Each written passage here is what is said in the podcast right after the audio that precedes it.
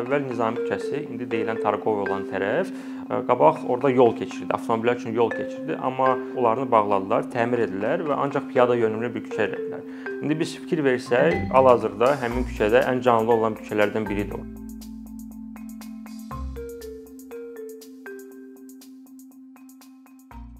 Ümumiyyətlə şəhərlərimiz əsrlər öncə yaranandan daha çox insanların rahat yaşaması, işləməsi, təhsil alması üçün və vaxt keçirməsi üçün, asudə vaxt keçirməsi üçün nəzərdə tutulmuşdur və o vaxt belə deyim də piyada keçidi, svetofor, yolun hərəkət hissəsi, səki deyilən bir anlayışlar yox idi. Lakin ötən əsrin əvvəlində bir texniki inqilablar baş verdi ardıcıl olaraq və bu texniki inqilabların bir hissəsi olaraq avtomobilin icad edilməsi oldu.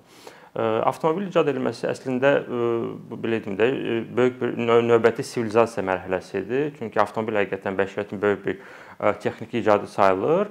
Lakin 20-ci əsrin təxminən 30-cu illərdə Henry Ford avtomobil konveyer icad ediləndən sonra araya bir problemlər çıxmağa başladı. Çünki bu qədər avtomobilin saxlanılması və hərəkəti üçün böyük bir sahələr tələb olunurdu və Amerikada bu problemi çalışdılar necə həll etsinlər. Yəni çalışdılar öz yeni şəhərlərini, çünki Amerika təzə-təzə qurulurdu, yeni şəhərləri sırf avtomobil yönümlü eləmək, yəni geniş yollar, çoxlu parkinqlər, indiyə qədər yəni biz Amerikanın bir çox şəhərlərinə fikir versək, həmin şəhərlərin sahəsi böyük bir parkinqdə parkinq oxşayır, geniş yollar mövcuddur.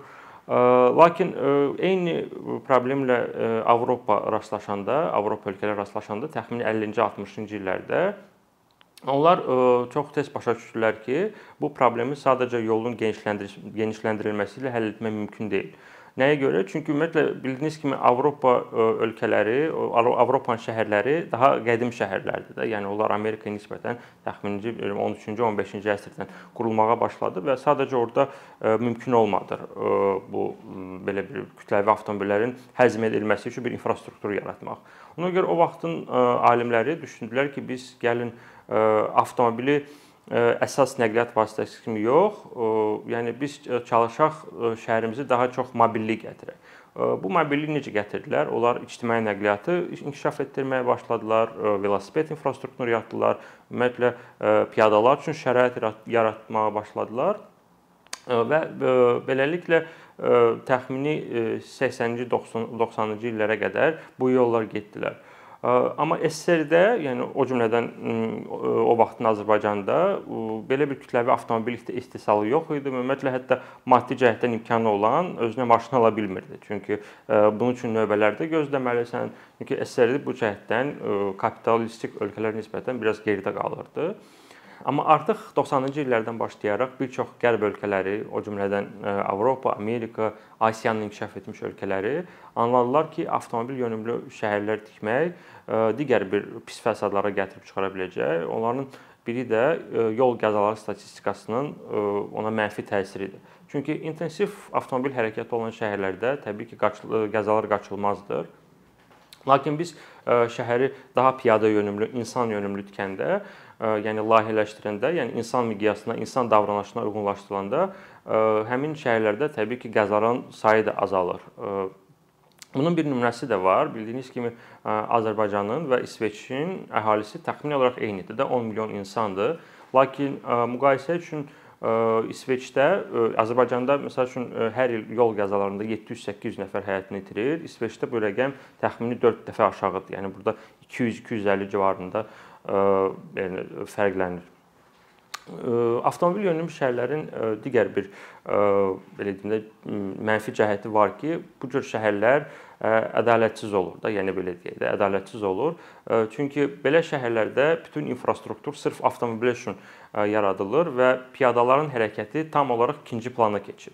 Nəticədə necə olur? Biz adətən hətta qısa bir yolu keçmək üçün piyadaları məcbur edirik ya yerin altına düşmək, ya da yerin üstünə keçmək və əgər belə bir küçədən kənar keçidlərdə panduslar, liftlər yoxdur, eskalatorlar yoxdur, bunlar mövcud deyilsə, bu o deməkdir ki, biz həmin küçəni və şəhəri tam olaraq təxmini 20-25% insan üçün əlçatmaz edirik.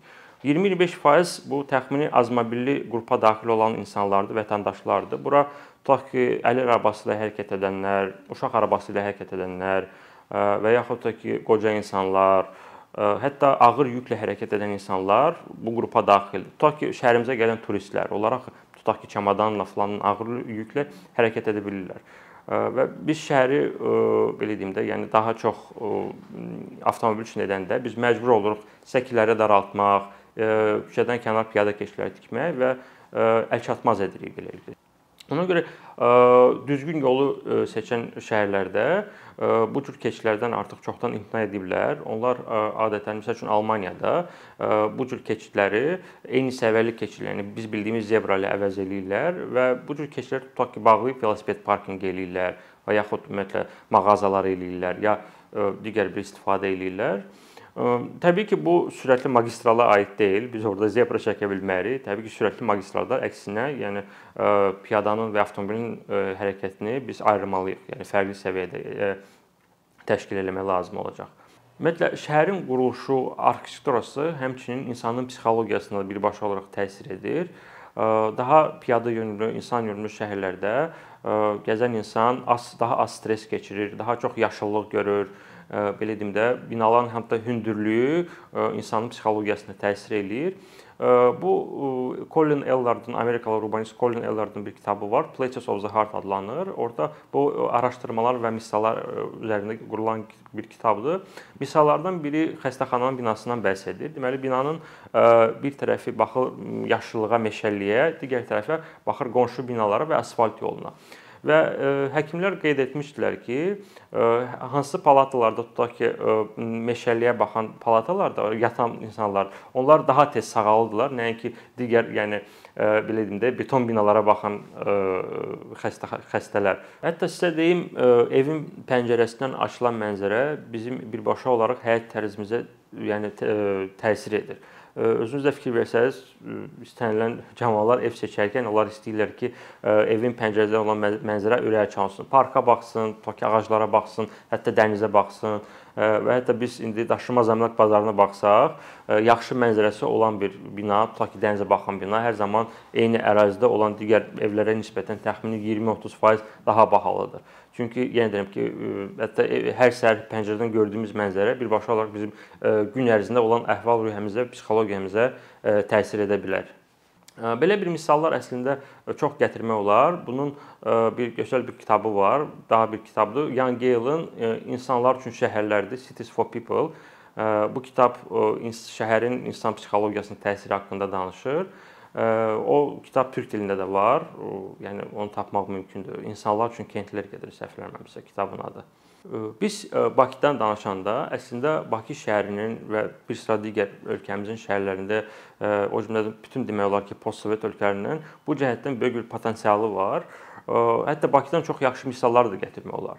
Məsəl üçün kim xatırlayırsa, əvvəl Nizami küçəsi, indi deyilən Targov olan tərəf, qabaq orada yol keçirdi, avtomobillər üçün yol keçirdi, amma səhv eləmirəmsə 2000-ci illərin əvvəllərində onlarını bağladılar, təmir etdilər və ancaq piyada yönümlü bir küçə elədilər. İndi biz fikir versək, hal-hazırda həmin küçədə ən canlı olan küçələrdən biridir. Orada çoxlu turistlər cəlb olunur, orada biznes obyektləri çalışır, restoranlar, kafelar. Onlar da eyni zamanda şəhərə də vergi gətirir. Yəni bu cür küçələr əlavə bir iqtisadi cəhətdən də bir şəhər üçün bir yaxşı bir potensial gətirir. İstər-istəməz, yəni inkişafın başqa yolu yoxdur. Biz bu cür şəhər konsepsiyasına gəlib çıxacağıq, insan yönümlü şəhər konsepsiyasına doğru irəliləyirik və mən çox ümid edirəm ki, işğaldan azad olunan Qarabağın şəhərləri bildiyiniz kimi hal-hazırda olan baş planı hazırlanır. Ümid edirəm ki, həmin baş planın mərkəzində bir insan dayanıb və onsuz da bu regionun böyük bir potensialı var. Yəni həmçinin gözəl mənzərələri var və eyni zamanda gözəl mənzərələr yanaşı həmin e, şəhərlərimizdə, yeni tikilən şəhərlərimizdə də e, yaşayış keyfiyyəti çox yüksək səviyyədə olacaq.